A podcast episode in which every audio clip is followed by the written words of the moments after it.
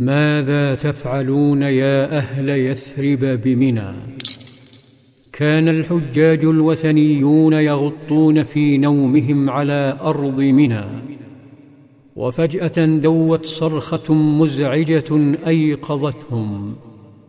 ملأت أجواء منى بالفزع وجعلتهم يقفون على أقدامهم. شخص لا يدرون من هو ينادي أهل المنازل يصرخ بهم يا أهل الجباجب هل لكم في مذمم والصبات معه قد اجتمعوا على حربكم؟ عرف الوثنيون أن هذا الصارخ عدو لمحمد لأنه يسميه مذمما. ويسمي المسلمين بالصباه فتأهبوا بسيوفهم واستعدوا لجيش خفي لا يعرفون متى يفجأهم ولا من أي الجهات ستكون غارته. أما رسول الله صلى الله عليه وسلم فطمأن أصحابه وأخبرهم أن هذا صراخ شيطان العقبة. وأمرهم بالانصراف فورا والتسلل بين هذا الضجيج. لكن حماس الحرب اشتعل في رأس أحد الأنصار واسمه العباس بن عبادة فتمنى خوضها لله. كيف لا؟ وهو الذي طالما خاضها للأصنام.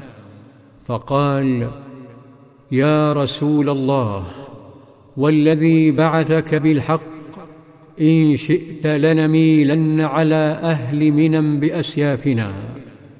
لكن النبي صلى الله عليه وسلم هدأ حماسه وأخبره أنه لم يؤمر بحمل السلاح وقال إنا لم نؤمر بذلك ارفضوا إلى رحالكم. فرجعوا فاضطجعوا على فرشهم بينما بقيت منى ساحة من الفوضى والإشاعات مما حمل بعض الوثنيين على أن يركبوا نحو مكة ليخبروا طواغيتها. ولما أشرقت الشمس على أرض منى إذ بدبيب الخيل يهز الأرض ويثير الغبار من بعيد.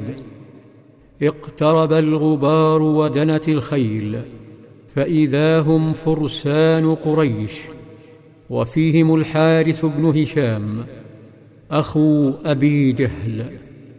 طاف الفرسان فطافت شكوكهم حول مخيم يثرب ثم توقفوا أمامه فصاح قائدهم برجال يثرب يا معشر الخزرج إنه قد بلغنا أنكم جئتم إلى صاحبنا لتستخرجوه من بين أظهرنا وإنه والله ما من العرب أحد أبغض إلينا أن تنشب الحرب فيما بيننا وبينهم منكم.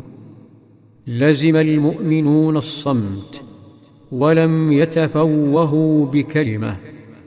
فتقدم وثني يثرب نحو المتكلم يعتذرون يقولون والله ما كان من هذا شيء وما فعلناه. كان الشاعر كعب بن مالك صامتا يرمق والد جابر الذي أسلم البارحة ووالد جابر ينظر إليه ولغة العيون تتكلم. فلما هم فرسان مكة بثني رقاب خيلهم والعودة إلى مكة تفوه كعب بكلمات. كلمات جعلت شقيق أبي جهل يرمي نعليه باتجاهه في ظلال السيرة.